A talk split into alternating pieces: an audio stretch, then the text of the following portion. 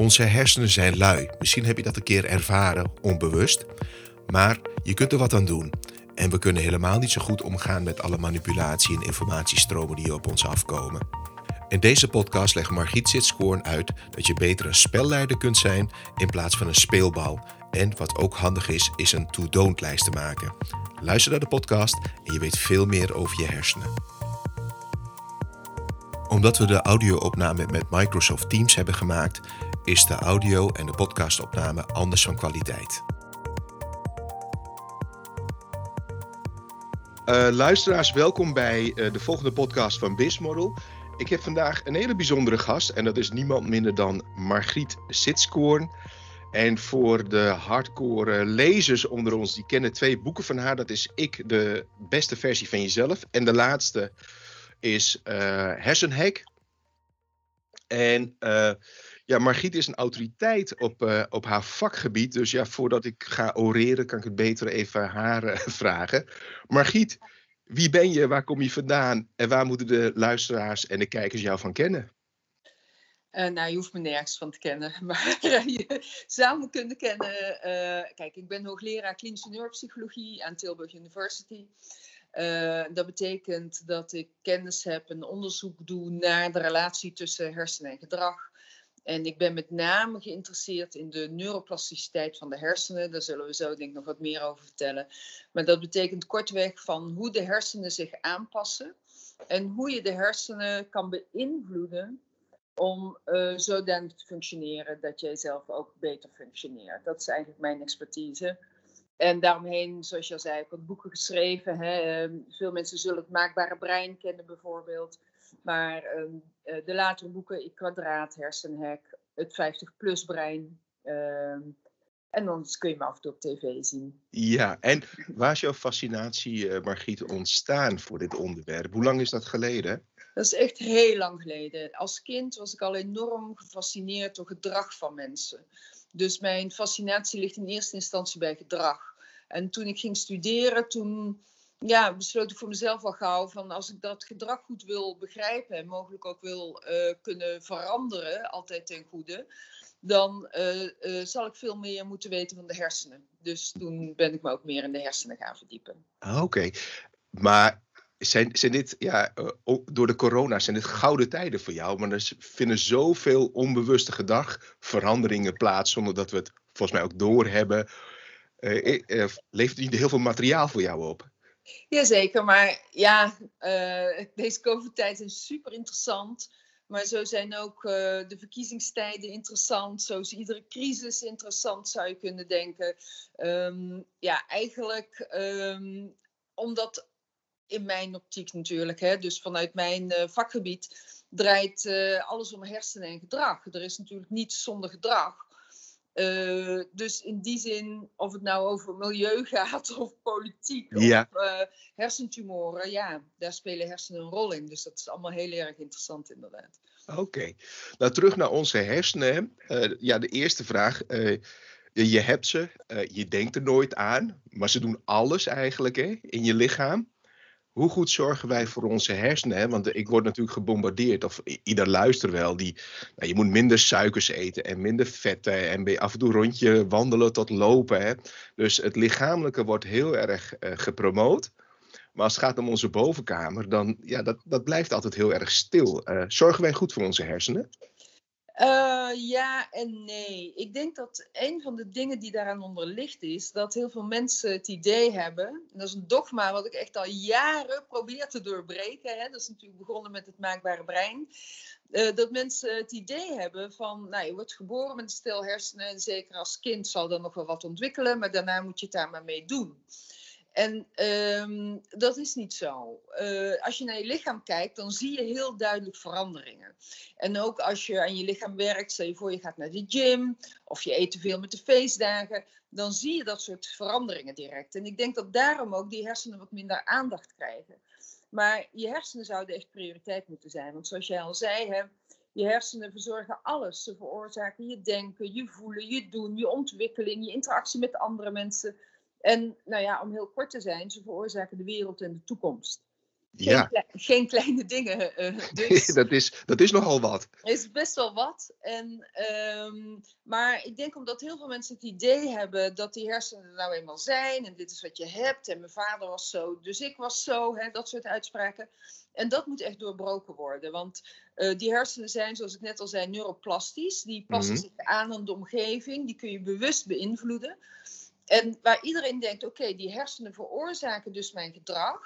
Maar dat is maar de helft van het verhaal, want de andere helft is ook waar. Jouw gedrag, jouw omgeving, wat jij voelt, wat jij denkt, beïnvloedt ook direct de structuur en het functioneren van je hersenen. En daar ligt natuurlijk de kracht van onze ontwikkeling. Ja, dus de context is, is, is eigenlijk ook heel belangrijk in de ontwikkeling en het aanpassingsvermogen van de hersenen. Ja, waar jij aan blootgesteld wordt en waar je jezelf aan blootstelt, in interactie met je genen bepaalt hoe je ontwikkelt, hoe je wordt, hoe je bent, hoe je doet. En dan weer wederom, dat heeft ook weer invloed op de omgeving en dat heeft weer invloed op jou. Dus dat is een continue interactie eigenlijk, eh, waar je zelf heel veel invloed op kan uitoefenen. En het beste is natuurlijk, wat ik altijd zeg, in plaats van speelbal te zijn, kan je beter speelleider zijn. En daar Ja, dat is, eh, Maar dat in, is, dat is de uitdaging voor de meeste mensen volgens mij. Ja. Ja, ja, ja, ja. En, eh, maar als de, als de eh, context zoveel invloed heeft hoe je hersenen dus ontwikkelen, op het moment dat je daar bewust van bent, dan wordt het wel een stukje makkelijker. Of kan het makkelijker worden? Jazeker. Ik zeg altijd, je moet je bewust zijn en waar je jezelf aan blootstelt. En waar je mensen, ja, waar je verantwoordelijk voor bent, waar je van houdt aan blootstelt. Want zoals wij hier nou zitten en wij hebben dit gesprek. Als ik eh, in het begin, hè, stel je voor dat ik op het kleinste niveau in de hersenen kon kijken, op het niveau van hè, je hersenen bestaan uit netwerken. Die netwerken hebben neuronencellen, die neuronen hebben uitlopers, axonen en dendrieten. Die axonen en dendrieten maken verbindingen. Waar die verbinding is, is, is de synaps. Daar vindt informatieoverdracht plaats van de ene cel naar de andere cel. Ja, Als ik dat allemaal in kaart kan bre- brengen, hè, dat doen we nu natuurlijk niet, dat kan helemaal niet zo. Maar dan zou ik, als ik een verschil, als ik zou kijken naar onze hersenen voor dit gesprek en na dit gesprek, zie ik daar al veranderingen in. Dus simpelweg, dit gesprek wat wij nu voeren, verandert onze hersenen. Want wij vinden iets van dit gesprek, wij onthouden er iets van. En dat kan uitsluitend omdat onze hersenen veranderd zijn. En dat kan weer invloed hebben nou ja, op de dingen die wij hierna doen. Dus dat, is nogal wat. Hè? Dat is wel een hele grote truc eh, die toegepast wordt. En dat geldt ook voor jouw luisteraars. Die zijn na deze podcast niet meer hetzelfde als ervoor. nee, maar ze hebben informatie tot zich gekregen en dat wordt verwerkt door de hersenen uiteraard. En die hersenen veranderen daardoor. Ja, en is het ook zo, Margriet, dat eh, ehm, een psycholoog die heeft mij ooit een keer verteld van door die synapsverbindingen, die automatisme wat bij mensen in zit, is altijd, de hersen zoekt altijd de kortste weg naar de oplossing die ze al eigenlijk kennen. Dus nieuwe dingen, die moet je gewoon eigenlijk ervaren, daar moet je doorheen, om, omdat die hersenen een beetje te trainen van, joh, dat, het kan ook anders, er is ook een alternatief. Maar omdat ze automatisch de weg eh, naar de kortste route vinden, de- dan is het antwoord nee, ik doe het niet. Of mijn opa deed het niet. Of ik ben zo. Hè? Dus krijg je dat soort argumenten. Klopt dat? Of zeg ik iets heel geks? En nee, zeg niet iets heel geks. Kijk, wat je ziet, dat beschrijf ik onder andere in Hersenhack. Ehm, hersenen zijn in principe lui. Wij hebben luie hersenen. Dat is ook logisch, want als je ziet dat zo'n klein orgaan alles moet eh, verzorgen, hè, ons lopen, ons praten, ons denken, ons doen, onze ontwikkeling, alles moeten ze verzorgen. Eh, dus die proberen dat met zo min mogelijk energie eh, te doen. Dus er is een soort trade-off gekomen in die hersenen. Alles wat ik met weinig energie kan doen, zal ik ook met weinig energie doen. En dat zie je in de huidige tijd eh, ook heel erg gebeuren. Hè? Onze to-do-lists zijn eindeloos. We laten ons de hele dag afleiden tot allerlei alerts, alles wat binnenkomt op, alle, op onze mobiele telefoons en andere dingen. Nou, dat kost heel veel energie. En daardoor zie je dat het echte denkwerk, echt ergens tijd en energie aan besteden, wordt eigenlijk steeds minder. Dus die hersenen die werken volgens bepaalde mechanismes. In, in hersenen, ik leg dat allemaal uit. Maar, en die, hersen, die hersenmechanismes zijn eigenlijk niet goed meer toegesneden op de huidige tijd. We worden de hele dag gebombardeerd met informatie. Dat is eigenlijk te veel. En daarom pakken we de kortste weg. En die kortste weg zegt, oh, dit ken ik al, dus ik Ja. reageer daar zo op. Of, oh, dat is niet belangrijk voor mij, dus dat doe ik niet. Of je verzint van alles, dat heet onder andere moral licensing, om iets niet te doen wat je wel zou moeten doen. Of, of iets wel te doen, dat is meestal iets wat je korte termijn genot geeft, wat je niet zou moeten doen. En dat bespaart allemaal energie. En vaak ja, heb je daar wel op korte termijn winst van, maar op lange termijn ehm, pijn. Zoals ik wel zeg, korte termijn fijn, lange termijn pijn. dat is een mooie uitspraak. Maar dat betekent ook, uh, Margriet, want jij houdt je daar heel erg mee bezig. Maar ik kan me voorstellen dat uh, grote social media techbedrijven. Daar werken niet alleen maar nerds die alles programmeren. Daar werken ook wetenschappers die dit haarfijn weten. En dus systemen zo ontwerpen, maar ook in reclame wordt die korte termijn continu uh, geprikkeld en uh, aangestuurd. Waardoor dus je eigenlijk verleiding ontstaat om iets te doen of te kopen of uh, langer bij te blijven plakken. Is, is, is dat iets waar, ja, dan zit je eigenlijk tegen, ja, ik vind het altijd zo'n een grensgeval qua moraal en ethiek, hè? Van waar, waar ga je nou echt over de schreef? En zitten we niet in een fase waarbij ehm, de overheid nu dit ook een beetje beseft van joh, de, daar moet een, ergens wel een rem gaan komen, maar dat wij als uh, consumenten zeg maar, ook moeten zeggen van jongens, het is nu mooi geweest, wij moeten ons echt gaan leren afsluiten voor bepaalde dingen, want anders gaat het niet goed komen. Jazeker. Kijk, ik beschrijf verschillende dingen die moeten gebeuren. We moeten ons in eerste instantie bewust worden van die mechanismen. We gaan vrij snel hoor, want er zijn natuurlijk een hele hoop mechanismen die werken waar we nu niet op in zijn gegaan. Maar we moeten ons eigenlijk bewust worden dat onze hersenen lui zijn en niet toegesneden op de informatiestroom van vandaag de dag. En ook niet toegesneden op de manipulatie in die informatiestroom. Hè. Dus heel veel goede informatie. En ik zeg ook altijd, internet is natuurlijk het kwaad niet. Hè? Want je kan toegang hebben, als ik zie, de toegang tot uh, de wetenschappelijke artikelen die je kan hebben over de hele wereld, is gewoon geweldig natuurlijk. Hè? Dat, dat, dat kon uh, ja. geleden niet. Uh, maar er zitten ook nadelen uh, aan. Uh, doordat er algoritmes geschreven worden die vooral stimuleren wat jij al weet, omdat je dat het liefste nogmaals bevestigd ziet. Onze hersenen zijn eerder gericht op conformatie. En dat betekent ze zoeken vooral wat we al weten. Want dat streelt ons ego. En dan kunnen we denken, oh, wat ben ik toch goed. En ja, het klopt allemaal wat ik denk en wat ik zeg en wat ik ja, wil. Ja. Maar we zouden eerder gericht moeten zijn op falsificeren. Dus net het ontkrachten van wat wij al weten. Wat je al weet, weet je al. Je moet net gaan kijken. Moet ik dit uitbreiden? Moet ik dit aanpassen? Klopt het nog wel? Nou, dat doen we niet zo graag, want dat is niet zo goed voor je ego. Hè? En, um, dat als, je mis, als je een misfit bent, dan val je al va vaak buiten de boot hè?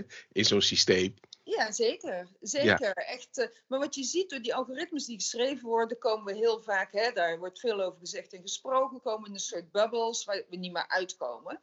Uh, maar dat is maar één kant. Dus je moet je bewust worden van hoe het werkt ten aanzien van informatie, hersenen en gedrag. Vervolgens moet je uh, bewust worden dat daar ook partijen in zijn die niet altijd het beste met je voor hebben. Hè? Dat, dat, hè? Dus niet iedereen heeft dezelfde ja. belangen. En dan kan je niet alleen maar blijven wijzen naar de ander, dan zul je uh, daarna zelf ook dingen moeten doen. Dus je moet je meer gaan trainen in je aandacht ontwikkelen. Je moet je meer gaan trainen in nieuwsgierigheid. Je moet je meer gaan trainen in niet altijd de makkelijke weg kiezen, maar net de slow information en sometimes slow uh, in, uh, decision making. En zo zijn er nog een hele hoop meer. Want dat zijn de dingen, om terug te komen naar het begin van het gesprek, die je zult moeten ontwikkelen om te veranderen. En je moet ja. niet alleen aanpassen. Aanpassen zorgt ervoor dat je op eenzelfde niveau uh, blijft. Maar je moet eigenlijk, al zeker in het bedrijfsleven, voorop lopen in bepaalde dingen. Nou, en dat kan alleen maar als je bewustheid stopt in het veranderen van die informatieverwerkingsmechanismen in de hersenen. En dat is volgens mij ook de meest uitdagende pad voor de meeste mensen om die bewustwording te hebben en dan ook te zeggen: ik ga uit mijn comfortzone en dingen doen die ik normaal nooit heb gedaan. En als ik na twee weken achterkom van het werkt niet, dan heb ik het wel geprobeerd, heb ik wel de ervaring gehad. Ja, en twee weken is misschien zelfs te kort, hè? want ik schrijf inderdaad Aha. in E-kwadraat een heel programma hoe je dat kan doen. Uit die comfortzone komen. En je moet je beseffen, maar er spelen heel veel dingen een rol. Hè? Het, is, het is erg moeilijk om te doen voor veel mensen natuurlijk. Want je moet je beseffen, ontwikkelen is altijd uit je comfortzone komen. Altijd. Want als je ontwikkelt, ga je naar een pad en naar dingen die je nog niet kent. Ja, daar voel je je wat ongemakkelijk bij. En dat heeft ook alles weer te maken met dat energieniveau in de hersenen. Wat zegt, joh, ik moet al zoveel, ik kan echt niet nou ook nog dit erbij pakken. Dus daar begint het eigenlijk al, je prioriteiten stellen. En dat is voor heel veel mensen moeilijk, want uh, het is veel makkelijker en soms ook urgenter om mee te gaan in de waan van de dag. Maar als je meegaat uitsluitend in de waan van de dag, zul je hoe dan ook achter gaan lopen. Want dan, you're no longer calling the shots, iemand anders doet dat. Want iemand anders bepaalt die waan van de dag. Dus als jij daar alleen maar in meegesleurd wordt, ja, ben je wederom die speelbal waar we het over hadden. Dus je moet eigenlijk, ja, je moet helemaal niks van mij hoor, laat ik daar ook even duidelijk over zijn. Je kunt, kan ik weten. Luisteraars, je moet helemaal niks van Margriet. Je moet heel helemaal niks. Je mag het allemaal zelf beslissen. Maar soms is het handig om, om uh, informatie te krijgen en een leidraad te krijgen, zodat je wat makkelijker inzicht hebt in hoe dingen werken. Dus je kunt, je kunt dat gedrag veranderen, waardoor je veel makkelijker aanpast, dat veel makkelijker uh, gebeurt, dus minder energie uh, kost. En eigenlijk uh, moet je er naartoe gaan dat je plezier krijgt in die verandering. Ja, ja. En, en dat is natuurlijk de grootste stap. Maar dat kan wel. Dat kan wel. En is ontzettend leuk. Dat is grappig om te, om te merken, want ik heb uh, zowel klanten in Nederland, maar ook in Israël, maar ook in India en Japan. Ja. En in Nederland hebben we natuurlijk, eh, zakelijk gezien, hebben we allerlei regelingen om de bedrijven te helpen. Maar feitelijk prikkelt het jouw ondernemerschap niet heel goed. Hè? Want op het moment dat je op je lauren kunt rusten en je krijgt geld, even heel plat geslagen, dan is de drive om iets anders te doen veel minder. Als ik mijn Indiase klanten spreek, nou, die krijgen helemaal geen subsidie, eh, NOW-regeling, noem maar op, die hebben helemaal niks. Die moeten gewoon echt weer hup aan de bak. Die zijn veel inventiever, veel creatiever, omdat ze weten, joh, ja, er, komt niks. Ik zit helemaal uit mijn comfortzone en ik moet in actie komen. Dus als ik die ondernemers nu ook spreek, die, die zijn al veel verder in hun verder ontwikkelen van hun organisatie omdat ze simpelweg geen. Uh, ja, ze, moeten wel uit die comfortzone. En dat is zo grappig om te zien. En dat merk ik ook met de Israëlische bedrijven. Ja, geen leuke boodschap. Maar ja, de kans dat ze elke dag een bom op hun kop, kop krijgen is heel groot. Maar daar hebben ze helemaal op aangepast. Dus alles moet snel, efficiënt. En ze gaan niet lopen polderen zoals hier in Nederland. Dus dat is echt heel, heel bijzonder om te zien wat de context, waar, waar we het in het begin over hadden, wat dat dus doet in gedrag van, ja, in dit geval dan de ondernemers. Want ja, je, je hebt geen alternatief, hè? Ja, ik wil er wel een kanttekening bij plaatsen. En die kanttekening is, kijk, je hebt altijd mensen die kunnen dat al heel goed. Dat aanpassen, dat ja. de troepen uitlopen, ongeacht de tijd. Covid of niet. En Covid is een extra prikkel om het allemaal weer om te gooien. Hè? Dat merk ik ook in mijn werk. Alles moet anders. En uh, ja, dan kan je dat wel doen of niet doen. Nou, wij besluiten om dat wel te doen. Maar er zit ook wel een, een, een maar aan. En die maar is dat als jij ernstige financiële zorgen hebt, ernstige zorgen hebt, dan verandert er ook iets in de hersenen. En dan gaat per direct die prefrontale hersenschors, dat is een gebied achter je voorhoofd, achter je oogkassen, werkt eigenlijk niet meer zo goed. En dat gebied is gerelateerd aan vaardigheden die we executieve vaardigheden noemen. En die noemen we niet voor niks zo. Dat is ook wel het CEO-brain gedeelte, of die executive brain wordt het ook wel genoemd. En als die uh, vaardigheden die gaan minder werken als jij echt in de zware problemen komt, dan wordt het ook steeds moeilijker om daaruit te komen. Dus dat is dan al heel snel een neerwaartse spiraal. En het zou kunnen zijn dat met de steun van de overheid, die natuurlijk niet alles oplost voor heel veel mensen, uh, dat die jou net wel op het niveau zou kunnen houden om wel daar, toch inventief te blijven en proactief te blijven. Dus uh, kijk, aan de ene kant heb je mensen die redden het altijd. Uh, wat er ook gebeurt, bij wijze van spreken. Ja, daar hoef je geen zorgen om te maken. Daar hoef je geen zorgen over te maken. Maar je hebt ook best wel een grote groep die in zulke, ja, het zijn toch best wel extreme tijden nu, het niet zouden redden als je ze niet een zetje geeft. En dat betekent niet dat daar niet hele goede dingen alsnog uit kunnen komen. Het is net als met, ja, met bijvoorbeeld iemand, uh, een, een gezel-meester-relatie. dat als je iemand net een beetje mee kan trekken en kan uh, duwen en trekken een beetje, ja, dat daar prachtige dingen uit kunnen komen. Is dit ook de reden waarom uh, mensen in problematische schulp, schuldhulpverlening eigenlijk ja, met verkeerde dingen vaak worden geholpen. En niet eigenlijk om die comfort te bieden, waardoor ze mentale rust krijgen en dan wel die stappen kunnen zetten. Ja, inderdaad. Ehm, we hebben zelf vanuit de universiteit hebben we, eh, dat soort projecten lopen, waarin we gezinnen die in uh, ernstige financiële problemen verkeren, op een andere manier proberen te helpen. Dus niet alleen de schuldhulpverlening, inderdaad, dat is wel al belangrijk. Maar tegelijkertijd moeten er ook vaardigheden getraind worden dat jij niet meer alleen maar korte termijn beslissingen neemt, maar net ook je ogen op de horizon kan zetten en ook leert hoe je dat pad bewandelt. Dat er andere dingen belangrijk zijn, bijvoorbeeld goed voor jezelf, uh, ook lichamelijk zorgen bijvoorbeeld. Uh, ten aanzien van, um, uh, van hoe jij plant en, en, en dus die executieve vaardigheden ontwikkelt. Dus dat is zeker heel erg belangrijk. Ach, terug naar de hersenen. Um, kijk, die hersenen die, die hebben zich altijd door de context waarin ze leefden, hè, hebben ze zich altijd ontwikkeld. Hè. We hebben de industriële revolutie gehad. Hè. Toen kwam er eh, stoom en licht en, en noem maar op. Maar de laatste twintig jaar gaan best wel veel dingen, met name aan de technologiekant, heel erg hard. Dat heeft best wel veel invloed. Hoe groot is de kans dat, uh, dat ik mijn achterkleinkinderen, als ik ze krijg, als de jongens mijn kinderen zullen krijgen, zullen dat hersentechnisch gezien andere mensjes zijn? Of uh, uh, zal, ik ze, zal ik met die mensen normaal kunnen communiceren? Of zal er echt een enorme kloof kunnen ontstaan door, door de veranderingen die er nu plaatsvinden? Ja, beide kan. wat we sowieso zullen zien is dat die hersenen veranderen. Uh, ik weet niet hoe oud jij bent, maar jouw hersenen zijn al anders dan die van je kinderen. Hè? Als, ja. Zij zijn natuurlijk heel erg in digitale tijd. Wordt, wordt elke dag netjes bevestigd door de jongens. Daarom, daarom. Vinden ze fijn ook om dat te doen. Hè? Ja. uh, maar, um, dus, dus die zijn al anders. Op heel veel vlakken zijn ze hetzelfde, maar op bepaalde vlakken zijn ze anders. En op sommige vlakken zijn ze beter en op andere vlakken zijn ze wat minder. Uh, natuurlijk. Want het is niet zo dat door de digitale veranderingen alleen maar gunstige veranderingen in de hersenen optreden. Hè? Klopt. Als we naar aandacht kijken, nou ja, dan is daar best nog wel wat over te zeggen. En wat we nu ook al zien, we zien nu ook al een soort digital divide. Dus uh, we doen ook onderzoek uh, daarnaar, hè, met uh, onder andere de Digitale Alliantie. Uh, je ziet al de haves en de haves not qua vaardigheden in de digitale wereld. En wat er wel heel belangrijk is en wat daar heel vaak niet benadrukt wordt, is dat men het heel vaak heeft over de technische digitale vaardigheden. Dus je moet weten hoe internet werkt, zoekmachines werken, data-opslag uh, uh, werkt, bestanden, hoe je die kan beoordelen enzovoort. Maar wat net zo belangrijk is, zijn al die vaardigheden waar we het eerder over hadden. Dus die executieve vaardigheden, waar bijvoorbeeld aandacht onder valt.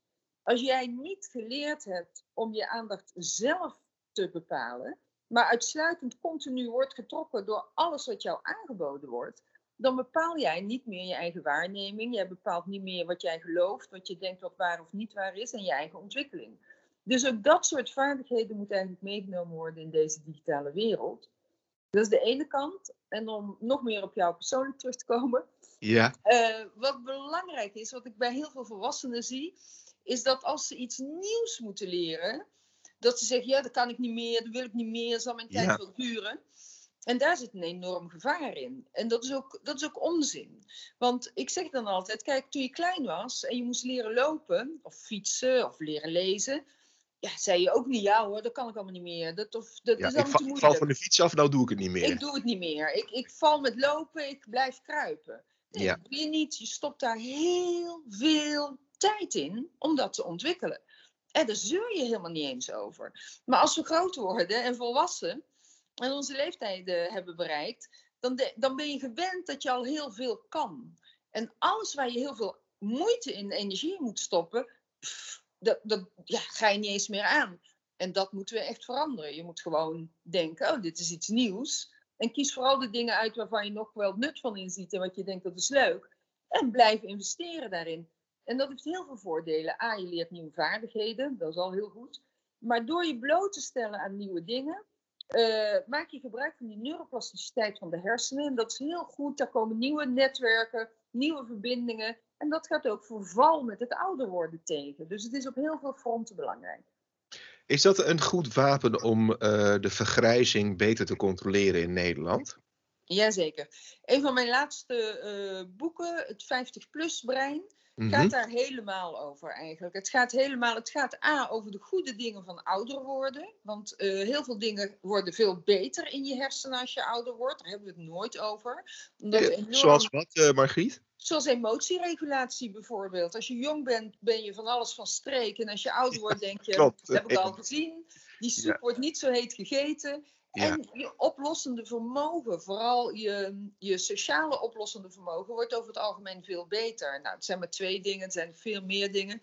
Ehm, maar wat ik in dat boek ook beschrijf, is een heel programma, een makkelijk programma, uh, om die hersenen, om dat verval tegen te gaan. Om dat cognitieve verval ja, niet hard te laten lopen. Dus dat, dat heeft allemaal met die neuroplasticiteit uh, te maken. En daar hebben we zelf grip op. Naast dat is het belangrijk, hè, we hebben het heel vaak over diversiteit in bedrijven enzovoort. Ja. Uh, beschrijf ik in dat boek ook dat het zelden gaat over leeftijdsdiversiteit. Klopt. Ja, het, is vaak, het is vaak gedegradeerd, en dat merk ik zelf ook, tot kleur of geslacht. Inderdaad. Maar niet, maar niet aan, laten we anders denken, de halen een dwarsdenker of een... Uh, want diversiteit heeft niks, heeft niks met geslacht of kleur te maken, maar meer met uh, context en, en, en uh, ik noem dat altijd curiosity. Hoe nieuwsgierig is iemand op welk vakgebied? Zet ze bij elkaar. Uit onderzoek van McKinsey en Forbes blijkt ook dat bedrijven die dit bedrijf, beleid volgen, tussen de 17 en 19 procent meer omzet en winstgevender zijn dan bedrijven die het niet doen. Hè. Dus gewoon bijna een vijfde kun je beter scoren als je gewoon een beter diverser beleid gaat voeren. Ja, en daar hoort leeftijd dus zeker bij. We hebben het heel vaak over het babybrein, het kleuterbrein, het puberbrein. Maar we vergeten dat we ook zoiets hebben. Ik heb dat het geronbrein genoemd. Dus de hersenen, nou zeg even, dat is een beetje een arbitraire grens, maar zeg even boven de 50. Die hersenen werken echt anders. Dus het, het brengt je heel veel om, hè, wat jij ook uh, andersdenkend uh, enzovoort noemt, om die verschillende vormen van denken en vaardigheden in je, in je bedrijf te hebben. En dat, dat doen we dus nog eigenlijk niet zo goed als ik, het, als ik jou zo hoor. Nee, uh, wat je toch wel vaak ziet is dat in onze maatschappij de nadruk enorm ligt op jong en, en, en nou ja, alles wat daarmee omgeven is. En of dat ook de enige markt zou zijn, is natuurlijk heel erg gek. Ja. En of als je ouder wordt, hè, omdat dat toch nog zo ontzettend heerst van ja, als je ouder wordt, dan word je flexibel en je kan niet meer mee, je begrijpt het niet meer goed. Nou, dat is echt een dogma wat doorbroken moet worden. En we moeten ons ook echt gaan richten in alle leeftijdsfasen op de goede dingen die gebeuren in de hersenen. Maar er gebeuren ook dingen in allerlei fasen, niet alleen als je ouder wordt, ook in, in, in het pure brein gebeuren ook echt dingen die helemaal niet zo positief zijn, die ja. moeilijk zijn. Uh, en daarom zou die mix heel erg goed zijn. Dus dat hele dogma van verouderen is verslechteren, moeten we doorbreken. Verouderen betekent eigenlijk verandering onder tijd. Ja, en, dat, is wel heel grappig. positieve of negatieve connotatie aan. Hè? Nee, precies. Maar dat is wel heel grappig, hè? Want uh, alles wat vintage is, daar willen we meer geld voor betalen. Hè? Daar worden we verleid om meer te kopen. Maar als om medewerkers gaat die tussen aanhalingstekens uh, vintage zijn, wat ouder zijn met ervaring, ja. en gemazeld. Nee, dan is, dan is het typisch weer Nederlandse uh, ja, dan is het typisch in Nederland georganiseerd. Nee, is te oud en te duur. Terwijl de baten soms veel beter kunnen zijn dan, dan, dan de kosten. Hè. Kijk maar naar Japanse bedrijven. Daar worden oudere mensen nog gerespecteerd. Want die geven heel veel kennis door aan jongeren. Ik geloof dat uh, 60% van alle bedrijven wereldwijd die 100 jaar of ouder zijn, zitten in Japan. Ja, moet kijken omdat ze daar het ouderenbeleid hebben om, om eh, werknemers heel lang aan het werk te houden. En ook de, de waarde te geven die ze, die ze hebben. Dus niet afscheid te nemen omdat ze zogenaamd te duur zijn. Nee, ze kunnen jongeren heel veel leren. Dat merk ik wel dat dat echt heel anders is daar. Nou ja, en het gaat niet alleen om de kennis die ze hebben. Hè. Eh, wat ik eerder zei, omdat die hersenen echt anders gaan werken als je ouder wordt, is het heel zinvol om dat uh, te hebben. Bijvoorbeeld, we hadden het een beetje over die emotieregulatie, dat is daar al een voorbeeld uh, van. Maar ook het plaatsen van bestaande en nieuwe kennis in al bestaande denknetwerken is, is, een, is een belangrijk iets. Hè, wat, je ziet dat soms met muziek, uh, dat is dan een, een beetje een zijspoortje, maar dat uh, iemand jonger kan denken, oh, dat is een nieuw nummer. En als je ouder bent, denk je, nou nee hoor, dat hoorde ik in de jaren tachtig ook al, er is een ander sausje over. Ja. Maar dat heb je natuurlijk ook, ook ten aanzien van werk. Maar je hebt ook weer ten aanzien van jongeren, dat omdat die hersenen ook weer anders werken, dat die heel veel kunnen brengen.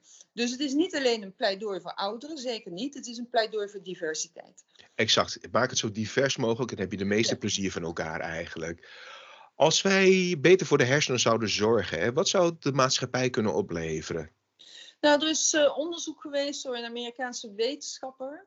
Uh, onder andere ten aanzien van die leeftijdsdiversiteit. En zij heeft berekend dat dat al miljarden op zou leveren voor uh, Amerika. Nou, als je nou gaat naar nog breder, dus iedereen zorgt goed voor zijn hersenen.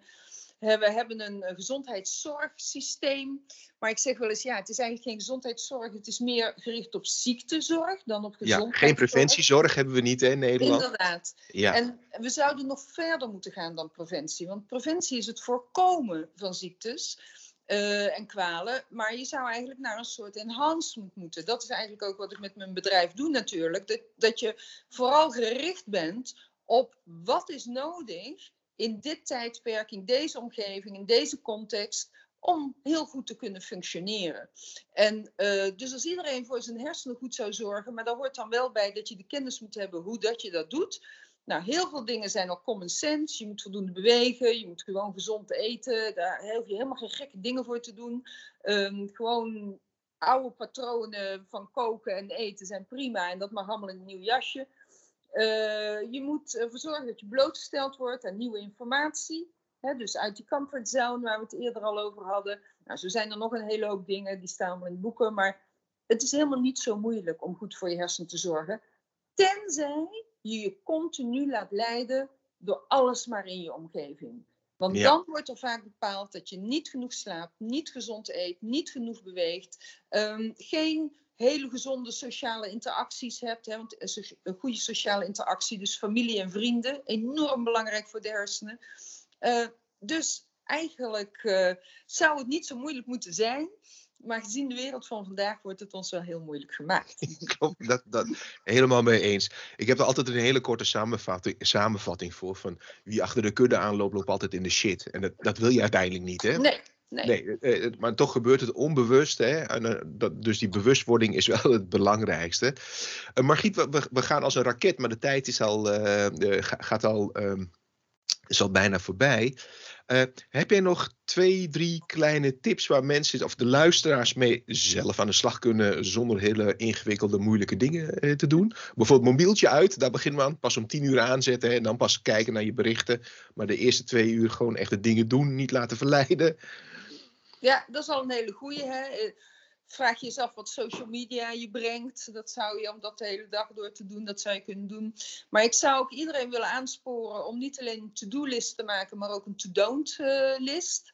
Uh, dat helpt je heel erg in je prioriteiten stellen. Want hè, uh, je zou eens kunnen kijken, wat vind ik nou het belangrijkste in het leven? Daar een rijtje van maken en daarnaast een rijtje maken van waar besteed ik nou al mijn uren aan. Nou, als het goed is, match je die twee. Dus besteed je uren aan je hoogste prioriteiten. Maar wat zien we vaak in ons leven? Dat dat eigenlijk scheef loopt.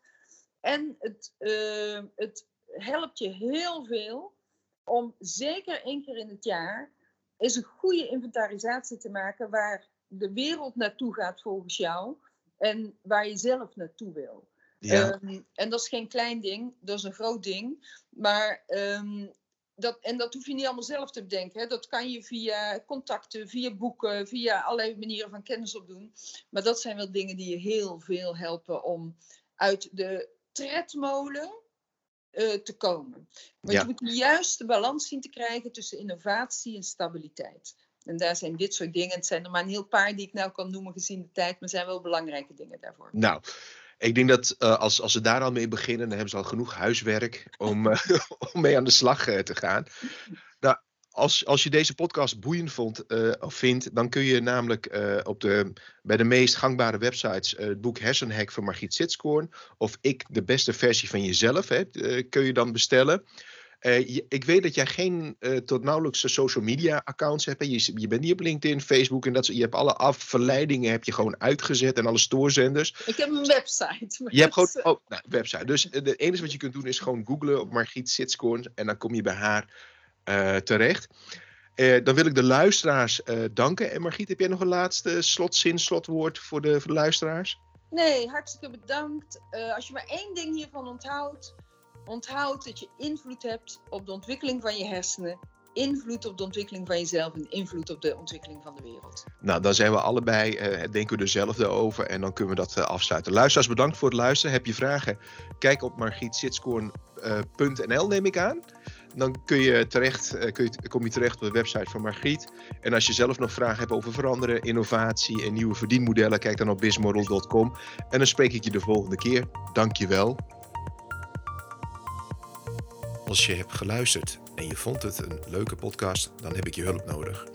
Zit je in de Apple Podcast app, laat dan alsjeblieft een review en je mening even achter. Dat is even heel belangrijk voor mijn marketing. En zit je niet in de Apple Podcast app, zoek dan Bismodel op via Google en geef mij een rating via de reviews. Daarin kun je heel makkelijk de aantal sterren achterlaten en een commentaar voor deze podcast. Ik ben je daarvoor heel erkentelijk.